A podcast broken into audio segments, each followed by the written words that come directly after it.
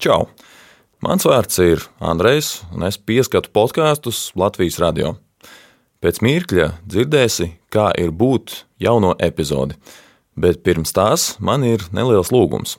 Mēs, Latvijas radio, gribam zināt, kas tev patīk podkāstos, kas nepatīk un ko jaunu tu vēlētos dzirdēt. Būs vajadzīgas aptuveni 20 minūtes, lai aizpildītu mūsu aptauju par podkāstiem. Turklāt, piedaloties aptaujā, tev būs iespēja laimēt feinu balvu. Saiti uz aptauju meklē epizodes aprakstā. Bet tagad vārds Elīnai ar jaunāko Kā ir būt epizodi. 5 LV podkāsts Kā ir būt? Par mūsu vietu pasaulē un pasaules vietu mūsos. Čau, čau! Mans vārds ir Elīna Balskara, un sveiciens ne tikai jaunā kā ir būt epizodē, jo ar šo sarunu mēs uzsākam arī jaunu sezonu, kas ir jau trešā pēc kārtas, un šoreiz to atklāsim ar tēmu, kas iespējams pie mums Latvijā ir aktuālāka kā citviet. Jo no visām 38 ekonomiskās sadarbības un attīstības organizācijas valstīm Latvijā ir augstākais alkohola patēriņš uz vienu iedzīvotāju. Korekti mēs to varbūt saukt par alkoholismu, taču mēs visi zinām, ka ikdienā to pazīstam kā vienkārši dzeršanu. Taču šoreiz mēs runāsim ne par to, kā jaunieši, kā jauni cilvēki veido vai neveido attiecības ar apreibinošām vielām. Šoreiz mēs runāsim par to, kā ir būt, kad um, alkoholiķis ir kāds no vecākiem. Mm, skarbi, atklāti un, diemžēl, daudziem arī ļoti pazīstami. Tāpēc šodien bez lieliem aplinkiem tieši pie pieredzēm un pie manis viesojas Diana Zemture, kuras tēvam ir diagnoze - alkoholiķis. Sveika! Sveika! Paldies, tev, ka tu atsaucies. Un patiesībā es biju, man gribētu teikt, nepatīkami pārsteigta par to, cik daudz cilvēki atsaucās manam publiskajam aicinājumam pieteikties tiem cilvēkiem, kur ir gatavi dalīties savā stāstā par šo tēmu, jo tie tiešām bija daudz vairāk, kā es biju gaidījusi. Un varbūt varam ar to sākt, ko tev nozīmē vispār vārds alkoholiķis. Nu, tā godīgi runājot, es uzskatu, tas ir slims cilvēks. Pirmām kārtām garīgi slims, nu, ne, ne garīgi, bet dvēselē slims. Jo katra alkoholisma pamatā ir smaga depresija vai kaut kas aptuveni līdzīgs, jo vienkārši daži cilvēki nezina, kā mm, tikt ar to galā vai nepieņemt to, un tad vieglākais risinājums ir vienkārši noslīcināt savas bēdas alkoholā. Un, um, jā, un tas, diemžēl, ir tas, ar ko es saskāros savā dzīvēm ar ko saskārās mans tēvs. Un, jā, pakomentējot tevi, tiešām ir ļoti bēdīgi, zinot to, cik daudz vispār bērnu dzīvo ar atkarīgiem vecākiem. Un, es domāju, ka tā ir tēma, nu, kuru ir jāpaceļ teiksim, tā vairāk sabiedrībā. Tiesa. Un, ja mēs skatāmies tava izpratni par vārdu alkoholiķis, es domāju, lielā mērā ir arī balstīta tajā tavā personīgajā stāstā. Bet, eh, ja tā būtu jāpaskatās um, uz sabiedrību kopumā, kā tu domā, ko sabiedrībai nozīmē vārds alkoholiķis? Es domāju, ka sabiedrību alkoholiķus uzskata par tādu zemāko slāni. Uh, iespējams, ļoti daudzi to raksturo bez mazliet kā bomzi vai nu, vienkārši cilvēku bez nākotnes, bez identitātes, nu, kā nezinu, tādu sabiedrības atkritumu. Bet nu, tas arī ir vairāk balstoties no tā, ko es esmu dzirdējusi savā dzīvē, sarunās ar citiem, dzirdējusi viedokļus no malas.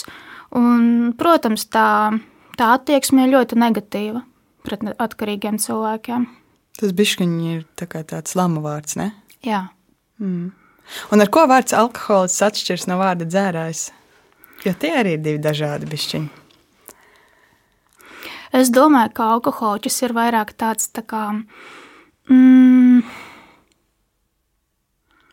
piedienīgāks veids, kā to cilvēku nosaukt. Bet zērājs tas vairāk jau tāds kā slēngs, nu, ko lielākā daļa sabiedrība arī lietos, jo tas uzreiz tā kā bezmazliet paskaidro to visu būtību, kāda cilvēkam ir problēma.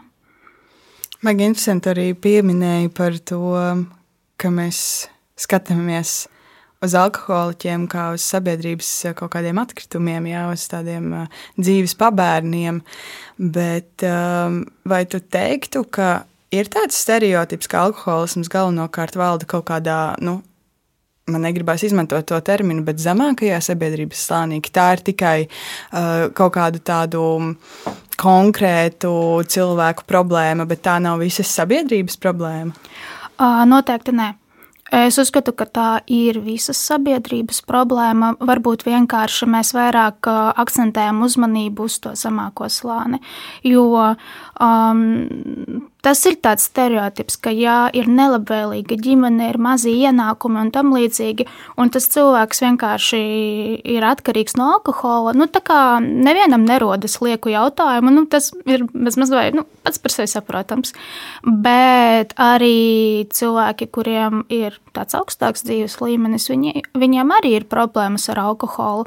Varbūt vienkārši tas uh, uz to tā neskatās, to tā neievēro, un es domāju, domāju, tas arī netiek tā, tā kā izrādīts. Jo alkoholiķis jau nav tikai tas, kurš, es nezinu, ejot pa ķēngaragu, var redzēt, kur uz ietvēm guļ vai zālienā. Alkoholiķis arī ir tas, kurš aiz aizslēgtām dzīvokļa durvīm katru vakaru pa glāzītei, pa glāzītei, pudele, pudele un tā tālāk.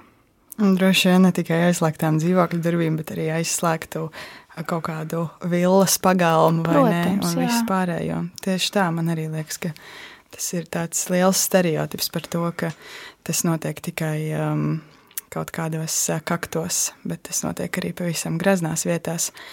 Um, tavs tēvs ir alkoholiķis ar diagnozi, kā tu man uh, rakstīji pirms mūsu sarunas. Uh, vai tu vari pastāstīt par savu tēti? Mans tētis ir tāds Es teikšu, viņš ir diezgan smaga rakstura cilvēks, un problēmas ar alkoholu viņam sākās vēl, cik es zinu, pusauģu vecumā, aptuveni tā. Bet uh, viņa lielākā problēma bija tajā, ka viņš ļoti ilgi nepieņēma to. Viņš ļoti ilgi neatzina to, ka viņam ir problēmas ar alkoholu. Un tad, laikam, tikai varbūt kādus pēdējos, es nezinu, nu, gadus 10, 15 viņš uh, ir paskatījies patiesībā acīs, viņš ir vērsies uh, atkal pie narkologa, viņš ir pieņēmis savu diagnozi un šobrīd sarunā ar viņu. Es arī dzirdu to, ka nu, viņš saka, ka jā, man ir alkoholisms. Bet tad, kad es biju pavisam mazāka, tad ar viņu ļoti grūti bija veidot vispār sarunas. Tādas, teiksim, mm, dvēseliskākas, par kaut ko intīmāku. Uh, viņš tāds vairāk ir mm, vienpatis, noslēgts diezgan no sabiedrības, tā nelaiž savu klāt cilvēkus. Um, bet, ja man ir konkrēti jāraksturo, jā, jāraksturo viņš ir nu, alkoholiķis, es teiktu, viņš ir miermīlīgais tips. Um, neizrāda agresiju, parasti viens pats sēž un lieto alkoholu. Um, pret mani viņš nekad nav bijis agresīvs. Ir bijušas, protams, epizodes, kad um, nu, jau bija tāda, teiksim, konkrēta alkohola pārdozēšana, kā tautā saka, sākās baltās pelītes, un tad vienkārši cilvēks sevi nekontrolē, bet um, es neteiktu, ka tas bija ļoti bieži. Tādas, nu, nezinu, uz rokas pirkstiem saskaitāmas reizes bija. Bet eh, tā kopumā mans tēvs, viņš nav slikts cilvēks, noteikti nē. Es pateiktu, ka viņš ir vienkārši pazudis cilvēks, neatradis savu ceļu, neizdziedējis savu dvēseli un, nu, varbūt ar bišķiņu vājāku gribas spēku nekā citiem, jo uh, nespēja gluži tā tikt galā ar savu problēmu. Un kā es viņu varu noraksturot, gudrs cilvēks. Vienkārši runājot par tēvu, man ir ļoti žēl, ka viņam dzīvē tā, tā ir gadījies, kā ir gadījies, un viņš neizmanto visu savu potenciālu, jo mm, viņam ir apķ, labs prāts, viņš ir gudrs, apģērbīgs, un viņš būtu varējis daudz ko, manuprāt, sasniegt. Tev tagad ir uh, 26, tu esi salīdzinoši nesen arī apprecējusies. Tu dzīvo patstāvīgu dzīvi un arī spēj kaut kā reflektēt vairāk droši vien uz šo situāciju no tāda nu, pieauguša skatu punkta. Tomēr, bet, kā bija tev kā bērnam, kā bija nezinu, deviņus gadus vecai Diānai, kāda bija tava dzīve tajā laikā? Mm. Tajā laikā bija ļoti smagi. Um, Pirmkārt, es ļoti ilgu laiku nesapratu, kas notiek ar tēti, kā, kāpēc viņš dažreiz uh, ir citādāks, un citreiz viņš uzvedas dīvaini, savādi. Manā bērnu prātā tas nu, neslēdzās kopā, jo um, dzirdot no vecākiem tur mm, frāzi, viņš ir piedzēries, nu, man tas neko gluži neizteica. Es nesapratu.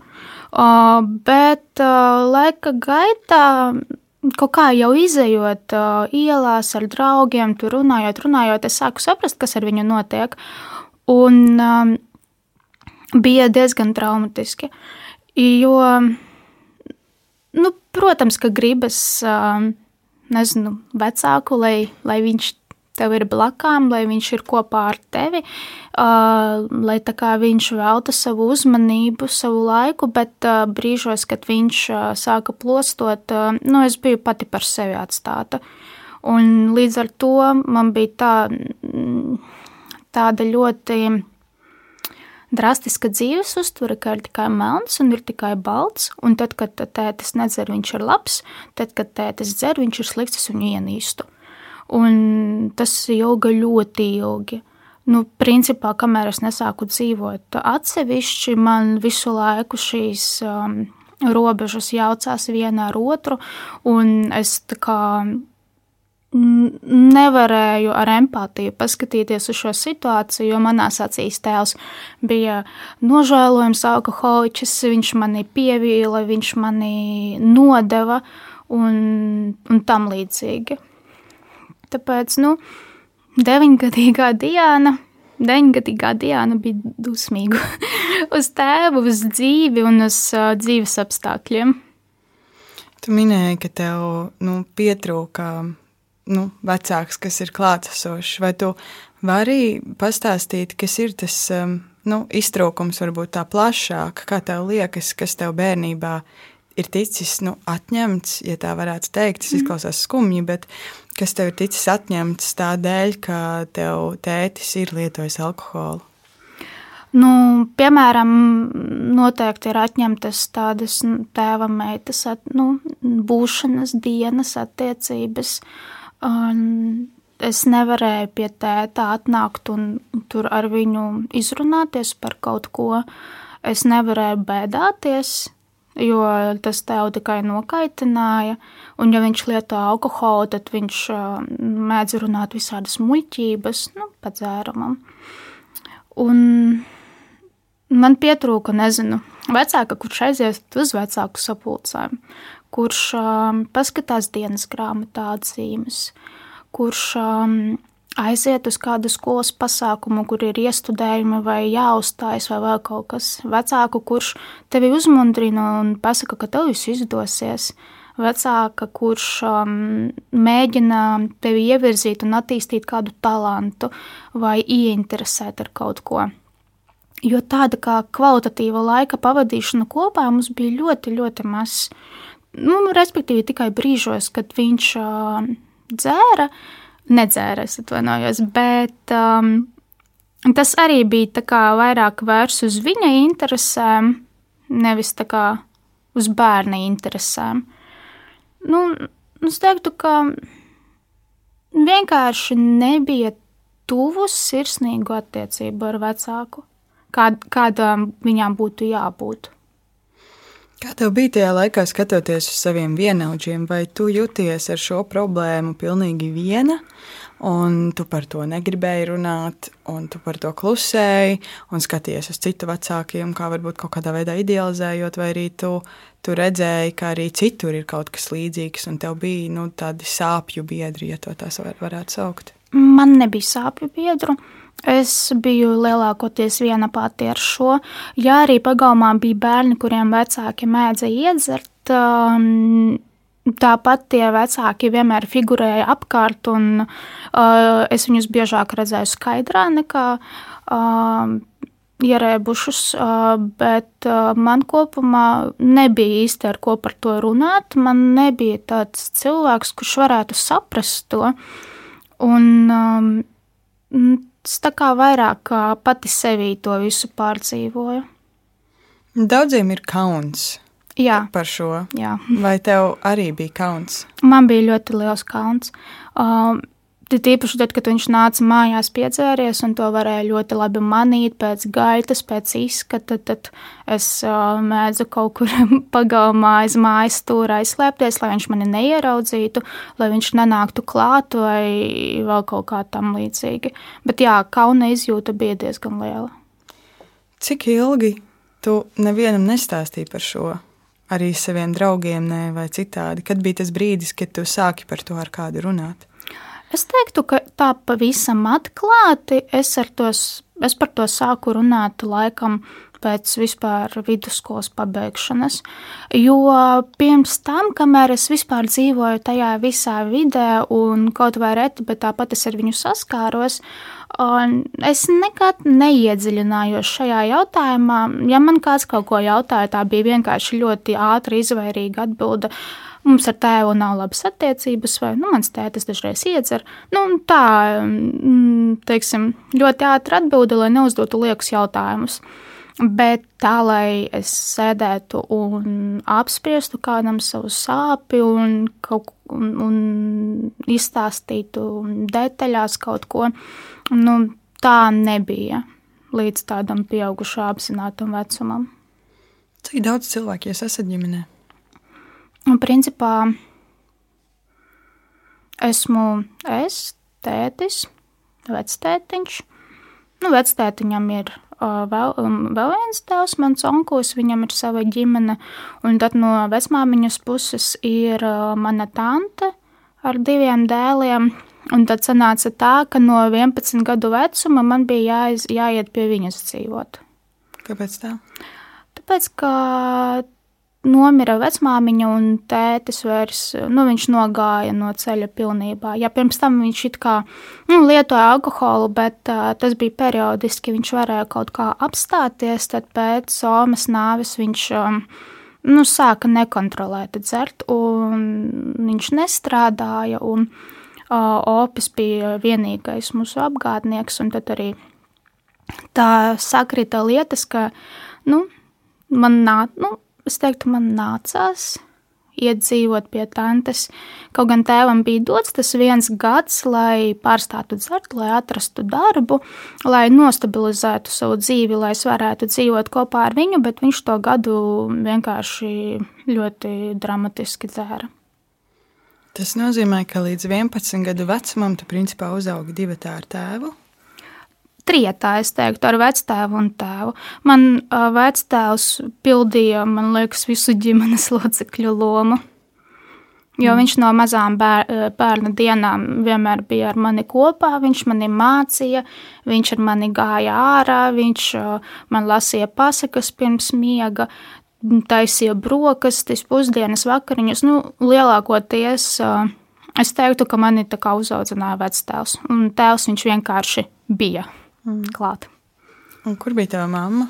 Mamma ir mirusi jau sen. Man bija piecu gadu, es biju piecus gadus vecs, un man principā par viņu nav nekādu atmiņu. Mm. Un kā tas liekas tik, um, jā, tik saudabīgi, vai tajā laikā, kad um, tu pārcēlies dzīvot uh, pie tantes un tu runā par šo gadu, ko viņam, uh, tavam tētim bija iespēja uh, um, atrast darba vietu un nostāties uz kājām, vai šajā visā procesā bija iesaistīts arī kaut kādas instances, vai tas bija tāds jūsu iekšējais ģimenes lēmums? Nē, tas viss, viss tika risināts caur bāriņu tiesu. Jo tā, principā, uh, nu, es nevarēju vienkārši tāpat aiziet. Um, tam bija jāiet cauri instancēm, jo arī tēvs saņēma kā. Mm, nezinu, kā to pareizi sauc, laikam pensiju par to, ka uh, es esmu māti zaudējusi. Un principā to naudu visu viņš saņēma, un viņš vienkārši viņu nodzēra. Kaut gan viņam vajadz, nu, tas bija vairāk ma, manu ne, vajadzību m, apmierināšanai. Un, un, um, jā, un tad kā, bija runa par to, ka mm, viņam, nu, vai nu viņš saņemsies, vai viņam atņems tēva tiesības, lai viņš nevarētu par mani pieņemt kaut kādus lēmumus. Kā tu teiktu, kā šis viss, ko tu stāsti, ir ietekmējis tavu personību? Mm. Es teiktu, ka līdz diezgan ilgam laikam, laikam līdz pat brīdim, kamēr es satiku savu vīru, uh, um, es uh, biju uzcēlusi sev apkārt ļoti lielu sienu. Man nebija vispār uzticības cilvēkiem. Es nekad neuzskatīju, ka man ir tāda uzticības persona, ar kuru es varētu pilnīgi atklāti runāt. Uh, kaut gan mm, tante vienmēr ir teikusi, ka ar, es ar viņu varu runāt, uh, vēl citi, citi mm, radinieki un tam līdzīgi, bet es nekad nejūtu to saikni. Jo uh, nu, kā jau saku, no, maz, no bērnu dienām es lielākoties biju viena, pat, viena pati par sevi. Un, um, tas man tā arī tālāk saglabājās ļoti izteikti. Un tas, un, protams, es arī uztvēru to kā milzīgu nodevību no tēva puses, ka viņam bija tas gads, un viņš pat nepacentās, viņš pat neko neizdarīja, lai es paliktu kopā ar viņu. Uh, Un līdz ar to, jā, man bija vienkārši milzīga neusticēšanās cilvēkiem, pasaulē. Es uzskatīju, ka man jāiet pa dzīvi tikai un vienīgi vienai, pašai par sevi. Nedrīkst nevienu pielaist klāt, um, veidot kādas tuvākas attiecības. Un, protams, arī um, es, um, nu, es nevarētu sevi nosaukt par superpozitīvu cilvēku. Tomēr tas viss, kas um, bērnu dienās tika pārdzīvots, viņš, tas viss ir atstājis diezgan lielu iespaidu. Gan, uh, gan uz personību, gan uz to, kā es um, um, veidoju pati savu ikdienu un kā es diezgan ilgu laiku attiecos pret citiem. Tu runā par šīm sienām un par tādu nedaudz tumšu skatu uz pasauli, bet eh, šobrīd tu par to visu runā un arī par savu tēti. Tu stāsti nu, ar ļoti lielu empātiju eh, un tādu mm, iedziļināšanos, ja tā varētu teikt, un patīkamu refleksiju. Kas ir tas, kas mainījās, eh, kas ir tas, kas veidoja tevī tādu pagriezienu, jo vismaz man liekas, ka es to pagriezienu tevī jūtu. Pagrieziens ir. Uh, Es domāju, ka tas viss mainījās tad, kad es pati ar to visu saskāros. Jo aptuveni divus gadus es lietoju alkoholu. Um, tas uh, sākās ļoti, te, nu, tas sākās neapzināti.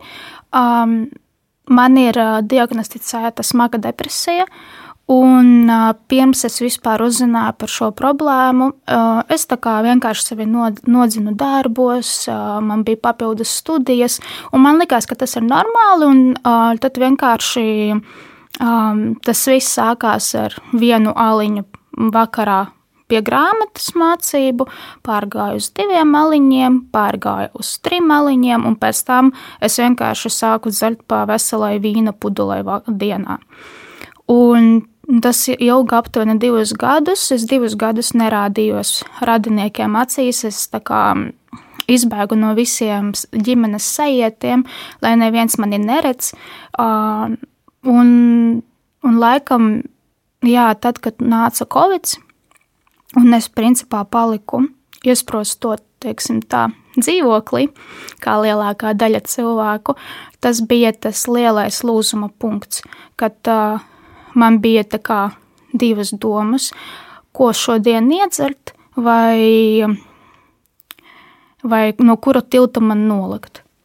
Un, tā tas ilga līdz brīdim, kad um, iepriekšējās attiecībās, toreiz es biju kopā ar uh, vienu cilvēku, bet es biju ļoti dziļi nelaimīga tajā visā. Viņš vienu dienu atnāca mājās ļoti piedzēries.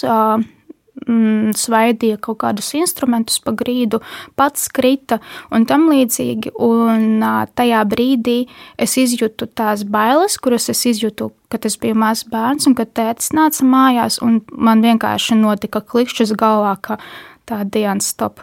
Nu, tu esi nogājis no ceļa, tu tagad dari ļoti nepareizi.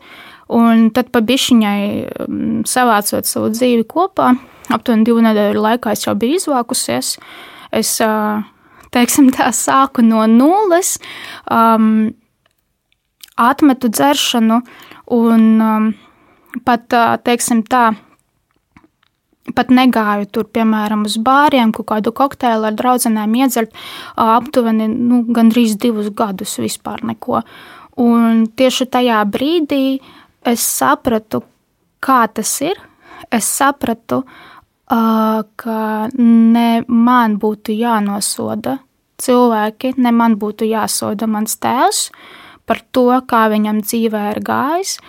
Un izgāju pati tam visam cauri, un nu, vienkārši man radās tā sapratne, ka um, es neesmu ideāls cilvēks.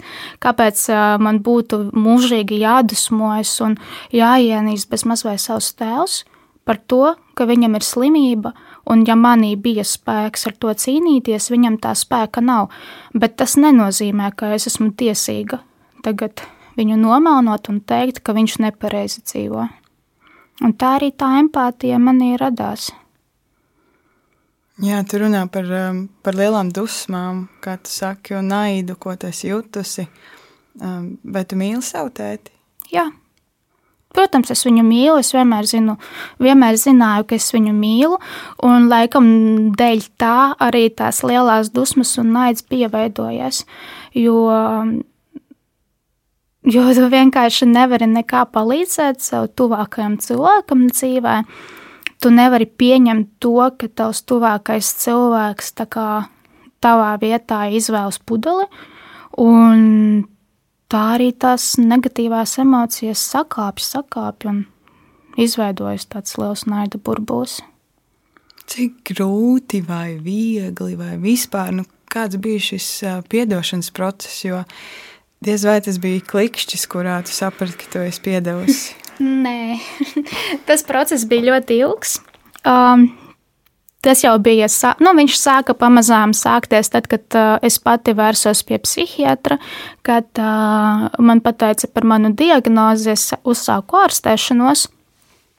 Un ārstēšanās laikā es izgāju nelielu, nelielu kursu pie psihologa, lasīju daudz psiholoģijas grāmatu, un es vienkārši sapratu, ka tā pagātne, kas mani saista ar tēvu, un tā, tā visa negatīvā pieredze un emocijas, viņas velk mani visu laiku atpakaļ, velk uz leju, un ir grūti dzīvot vienmēr tā kā dusmojoties uz kādu, jo tu tāpat nevari neko mainīt.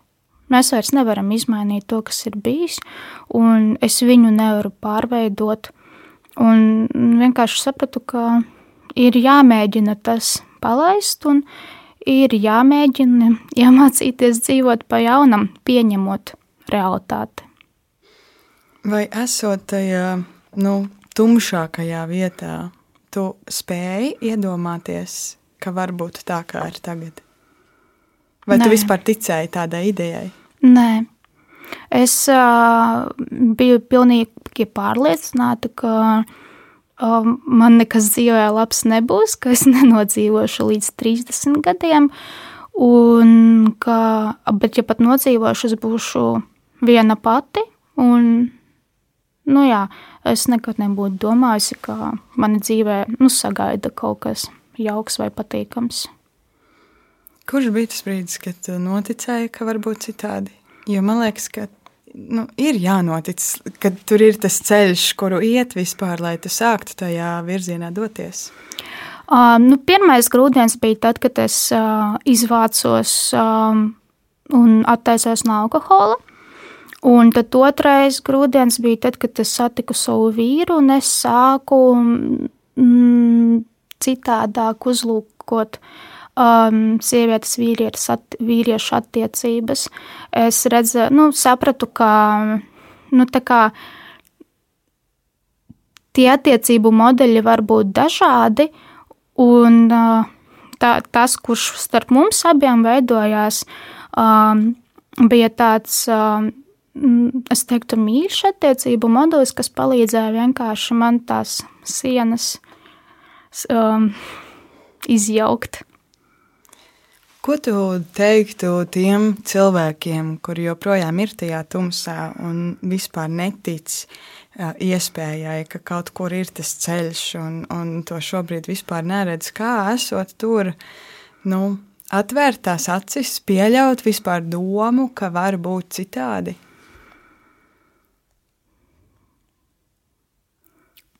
Jā, tas ir sarežģīts jautājums.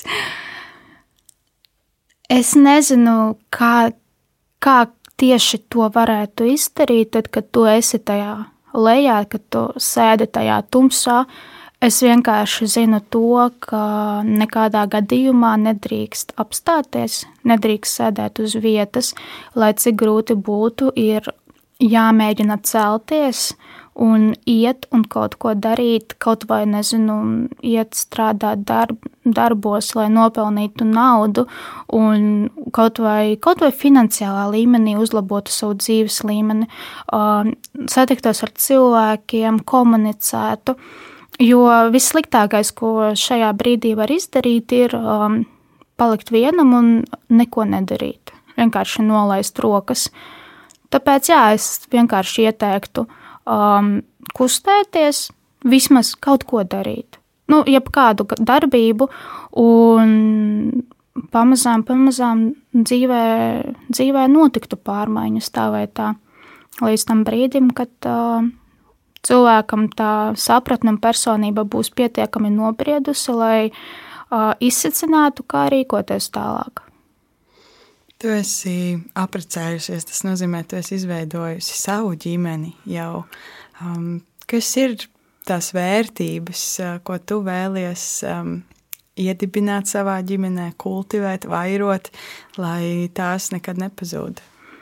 Uzticēšanās, um, runāšana par visu, nu, lai nav kaut kādas tabū tēmas. Uh, Jo, manuprāt, diviem cilvēkiem veidojot kopdzīvi, nu, nu jābūt tik ļoti, jābūt, jājūtas tik ļoti komfortabli vienam ar otru, lai varētu apspriest jebko.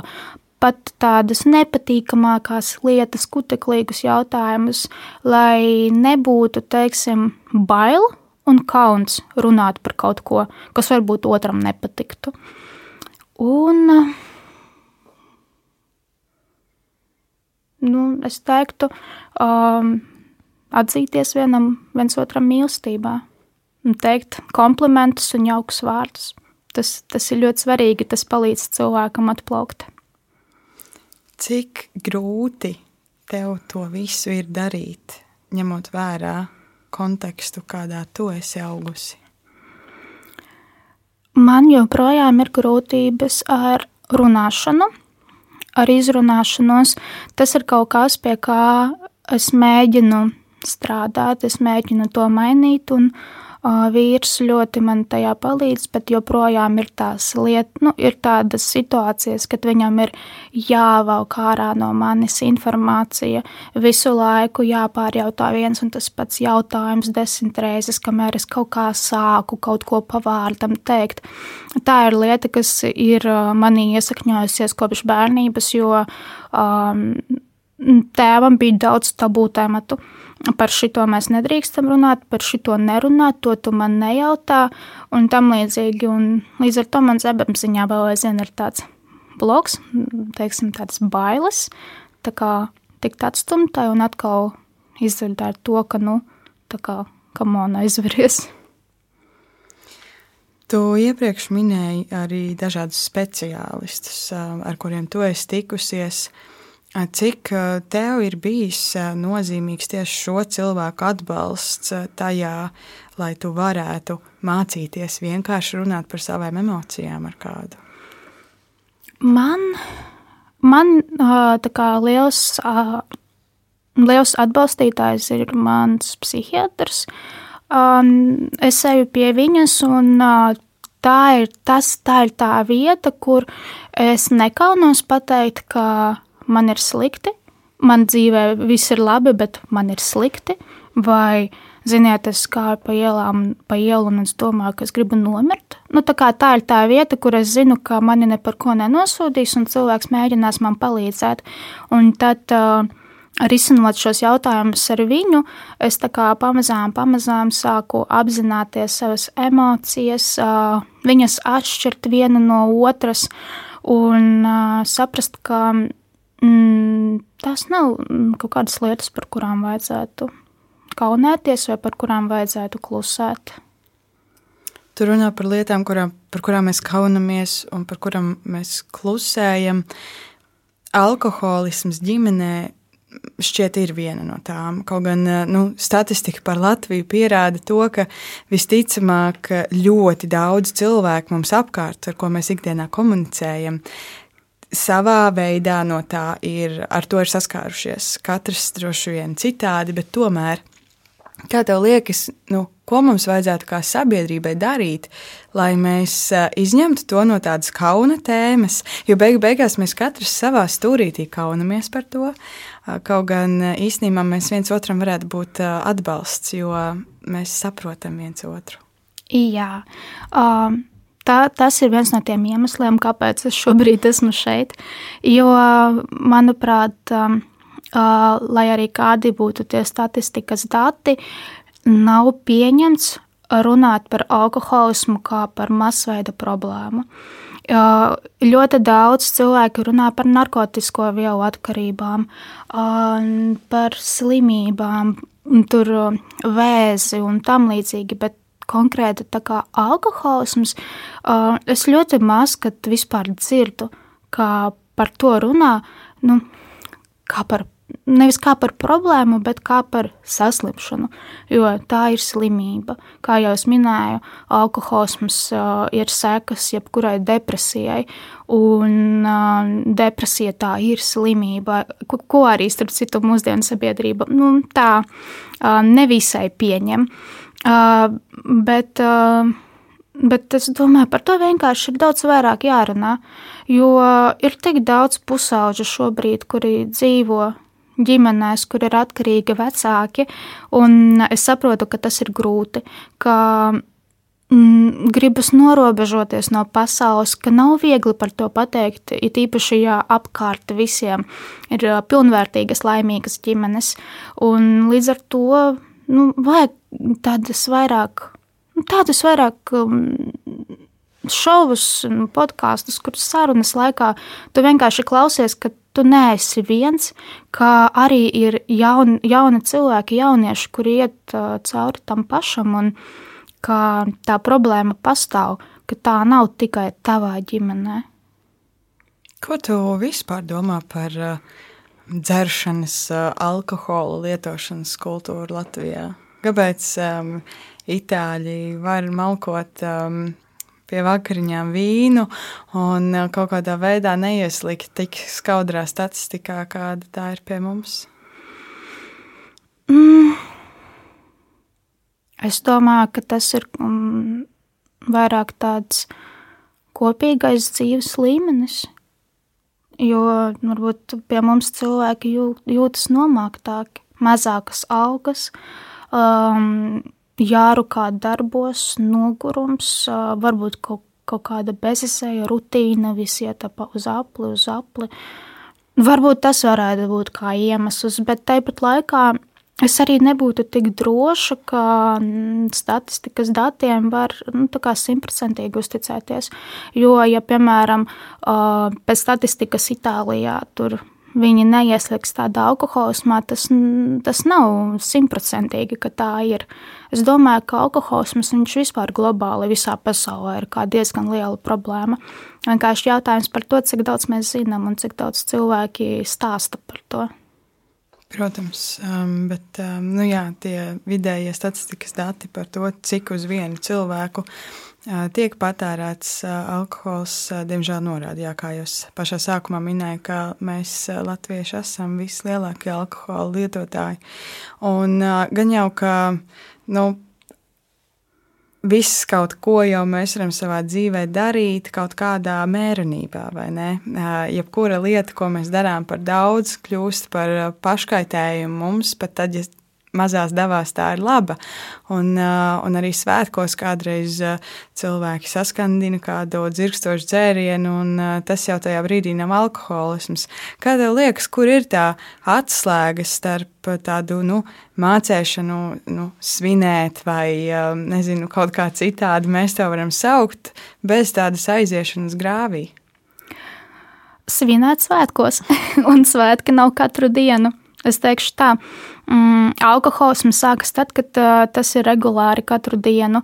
Un, ja viens cēliņš pēc darba, tas ir pirmais solis alkoholismā. Es zinu, ka ļoti daudz cilvēki to apstrīd. Um, man paziņu lokā uh, ļoti maz kurš piekrīt šim. Uh, it, īp, nu, it īpaši, diemžēl, tas ir izteikts uh, vīriešiem. Ja viens āliņš uh, vakarā pēc darba, tas nav nekas tāds. Tas ir tāds liels sarkanais karoks.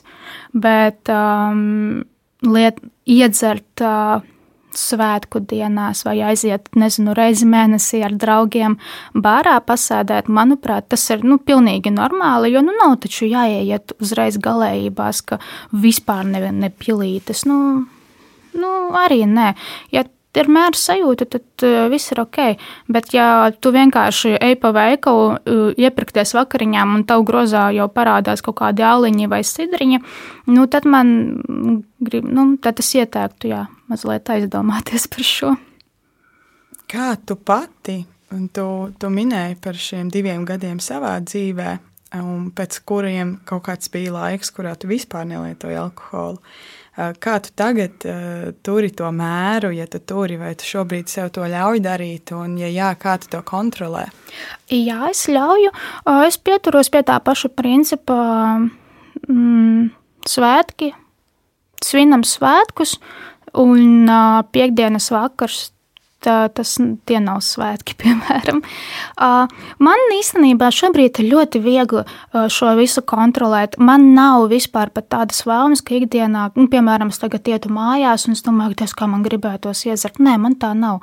Um, Es varu mierīgi tur dzimšanas dienās iedzert. Es varu, nezinu, reizi mēnesī vai reizi divos mēnešos, vai pat retāk aiziet ar draugu uz vecrīgu, uz pāris kokteļiem, un uh, man ir labi. Uh, Un līdz ar to, ka šobrīd es arī vairs nelietoju, es uzskatu, jau vairs nelietoju alkoholu, neskatoties uz to, ka nu, es atļauju savu iecert, bet to nevar salīdzināt.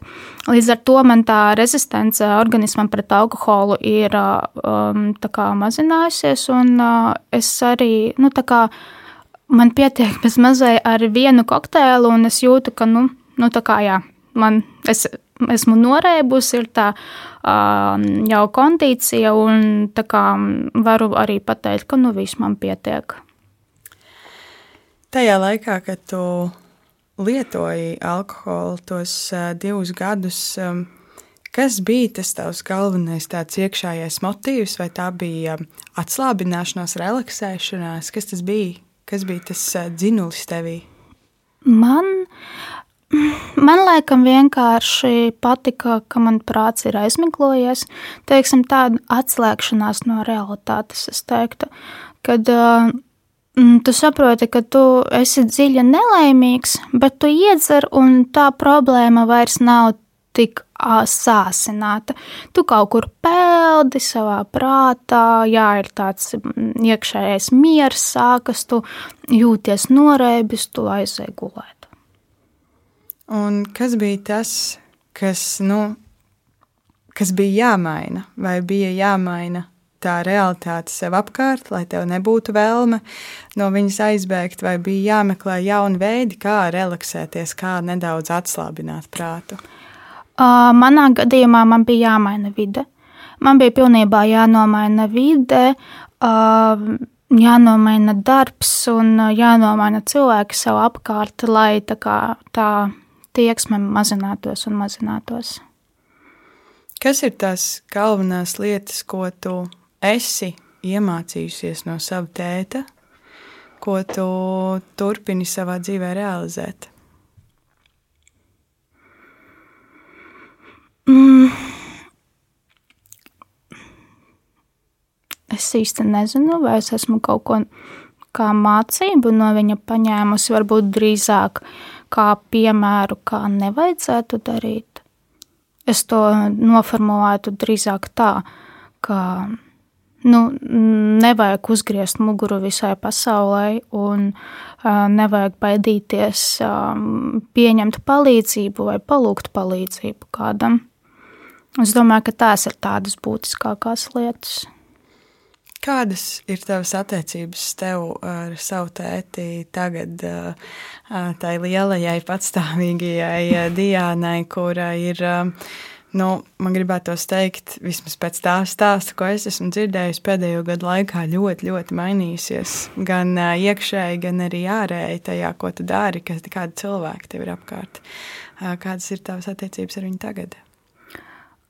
Mm, ne tik labas, cik es vēlētos, jo šeit mēs saduramies uh, pret to, ka līdz brīdim, kad uh, es sāku tādu pašciedēšanās kursu.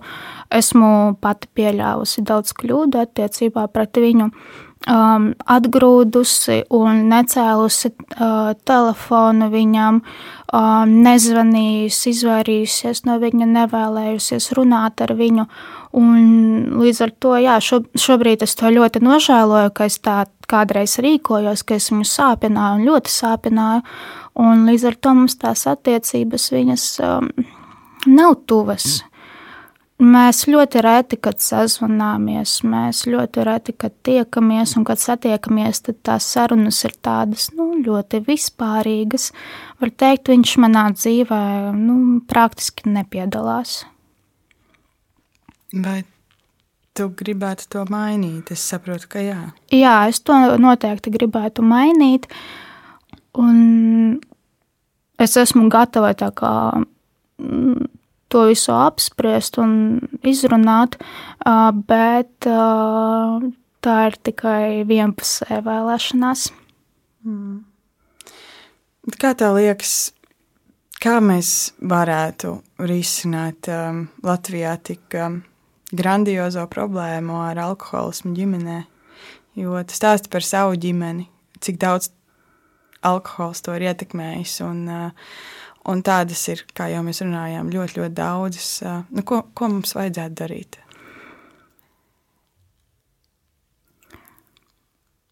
Zini, uz to ļoti grūti atbildēt. Jo, jo, jo, jo kamēr cilvēks pats negrib sev palīdzēt, viņam neviens nepalīdzēs. Un uh, palīdzība ir uh, vienkārši doties pie ārsta, pie psihiatra vai pie narkologa un ārstēt gan to cēloni, gan izrietošās sekas. Par šo jautājumu var vienkārši daudz runāt, var veidot kādas kampaņas un tam līdzīgi, bet es domāju, tā globāli neredzu šobrīd iespēju, kā tam varētu palīdzēt. Tur, tur var palīdzēt tikai tad, kad cilvēks apzinās, ka viņam ir problēma un viņš vēlas to risināt. Tad var iesaistīties. Uh, bet tā ļoti plašā mērogā es domāju, ka, ka nu, tas drīzāk ir jāizskata no, no tāda skatu viedokļa, kā sniegt atbalstu bērniem, kuri dzīvo ģimenēs, kur vecāki ir alkoholiķi. Kāds ir tas atbalsts, ko tu būtu gribējusi savā laikā saņemt? Jo um, tā jau ir laikam tas stāsts ja, par uh, diviem alkoholiķu bērniem, kur uh, viens uh, aiziet to pašu ceļu, jo tas ir vienīgais, ko viņš ir redzējis, un, uh, un uh, otrs saprot, ka viņš darīs visu savā dzīvē, izņemot to. Jā. Uh, kāds būtu tas atbalsts, kas ir nepieciešams, lai uh, nenotiktu tas, ka alkoholisms tiek uh, pārņemts uh, paudzēs? Es domāju, ka uh, ir, jā, ir jārunā ar bērnu, ir jāstāsta par um, citām iespējām, par citām izvēlēm. Es domāju, ka būtiskākais ir tas, ka jārunā ļoti atklāti, ne caur puķēm. Mm, konkrēti par problēmu, par, par to, ka jā, daudz, daudz cilvēki slimo, daudz cilvēki izvēlas um, kā zāles, nevis aiziet pie ārsta, bet uh, dzert alkoholu. Uh, tu kā bērns, tu neesi pie tā vainīgs, tu to nevari ietekmēt, un tu to nevari izmainīt. Tu vari tikai pieņemt to faktu un, uh, un izlemt, ko, kā, kā tu pats gribētu rīkoties. Bet, uh, lai kāda būtu tā izvēle, tā kā bērnam ir jāzina, ka ir vienmēr otrs ceļš ka tas um, modelis, ko ir izvēlējušies vecāki, tas nav tas labākais, un ir cits veids, kā veidot savu dzīvi un kā risināt problēmas. Kādu tu iedomājies savu dzīvi pēc um, 25 gadiem? Kādu tu gribētu to redzēt? Jo uh, Kaut kad sarunas iesākumā tu teici, ka kādreiz tu domāji, ka tu nenodzīvosi tālāk par 30. Un man vismaz klausoties tevi, man gribētos ticēt, ka tu vairs tā nedomā. Nē, nedomāju. un tāpēc man gribas tev jautāt, kā, kādu tu gribētu redzēt savu dzīvi, tad, kad tev būs piemēram 50, 60 gadi? Nu, es gribētu, gribētu to, lai man blakām ir vīrs, lai mums nav tik daudz veselības problēmu, ka mēs varam turpināt baudīt dzīvi. Es gribētu, lai mums ir um, mm, forši, sakarīgi bērni, kād, kā, kādus mēs viņus arī uh, uzaudzināsim, um, lai mums ir uh, sava, vai savā starpā, gan starp kā vīru, gan starp bērniem mums valdītu atklātas un sirsnīgas attiecības, lai ir arī mazbērni. bērni nu, es teikšu tādu uh, mierīgu, mierīgu dzīvi, un es vienkārši vēlētos to, kā man pietrūka bērnībā. Jā, laikam pēc visa tā, ko tu, ko tu stāsti, dzirdēt, um, ka principā pajautājot tev par tavu nākotni, tu pirmo vārdu saki īstenībā ģimene, tu piemini visus uh, tos tuvākos cilvēkus, un laikam jau gluži likumsakarīgi, ka tas ir eh, tas, pēc kā tu ilgojies. Jā, lai tomēr, um, nu es tomēr uzskatu, ka lai kā tur būtu, bet um, ļoti liels, um, ļoti, ļoti liela ietekme, kā veidojas cilvēka personība, ir tajā, kāda bija viņa bērnība. Un es zinu, ka daudzi cilvēki tam nepiekrīt, jo pastāv tas viedoklis, ka nu, mēs taču paši izvēlamies savu ceļu un bla, bla, bla. Bet, um, bet tas, kas ir noticis bērnībā, pašā bērnībā, tas tomēr atstāja lielu, lielu iespaidu. Un manā gadījumā tā, tā ir vienkārši. Nu, vienkārši vienmēr esmu vēlējusies ģimeni, lai man būtu nu, tā rupi runājot tā kā citiem, mm, mīloša ģimene. Uh, nesanāca tas, bet tagad man ir visas iespējas uh, izveidot pašai savu ģimeni. Un, jā, es nebūšu vairs tā bērna lomā, bet, uh, bet tas jau vairs nav tik būtiski. Es jau vairs neesmu bērns. Um, es tev absolūti novēlu lai um, tavas vēlmes uh, piepildās un uh, lai tev ir tā mīlošā ģimene, par kuru tu esi sapņojusi. Jo tad, kad tu saki uh, tā kā citiem, tu teici, tā rupi sekot it kā tā kā citiem, um, bet tas taču ir tik cilvēcīgi. Um, it īpaši esot tam um, tai deviņgadīgajai Diānai skatīties un, un tā domāt. Uh, un man ir milzīgs prieks uh, par to, cik brīvi tu šobrīd par to stāsti, un tāpēc es tev saku sirsnīgi paldies, ka tu dalījies uh, savā stāstā, kas nemaz nav vienkāršs. Paldies par tādu iespēju. Un es tiešām ceru, ka varbūt kādam, kurš šo sarunu noklausīsies, um, šis stāsts palīdzēs saskatīt to, to izējas punktu, lai kurā dzīves um, posmā šobrīd tas cilvēks atrastos. Jo, nu, jā, izēja vienmēr ir. Kā tu teici, ja galvenais uh, neapstāties, tad jā. varbūt šī būs tā saruna, kas ļaus vismaz vēl vienu dienu neapstāties. Es tā ceru. Sirsnīgs paldies, tev, Diana. Es novēlu, lai tev piepildās viss tavi sapņi un iecers. Un uh, paldies arī tev, ka tu klausījies šo, kā ir būt epizodī. Šī bija pirmā šajā trešajā sezonā, un uh, mēs sezonu turpināsim ar uh, visdažādākajiem stāstiem. Uh, gan um, skaudriem, gan ļoti priecīgiem, bet uh, visiem par, par mums, par tiem cilvēkiem, kas mēs esam visi līdzās. Uh, paldies, ka tu biji ar mums. Mēs tiekamies jaunā epizodē jau pēc nedēļas, bet uh, pagaidām es saku tā.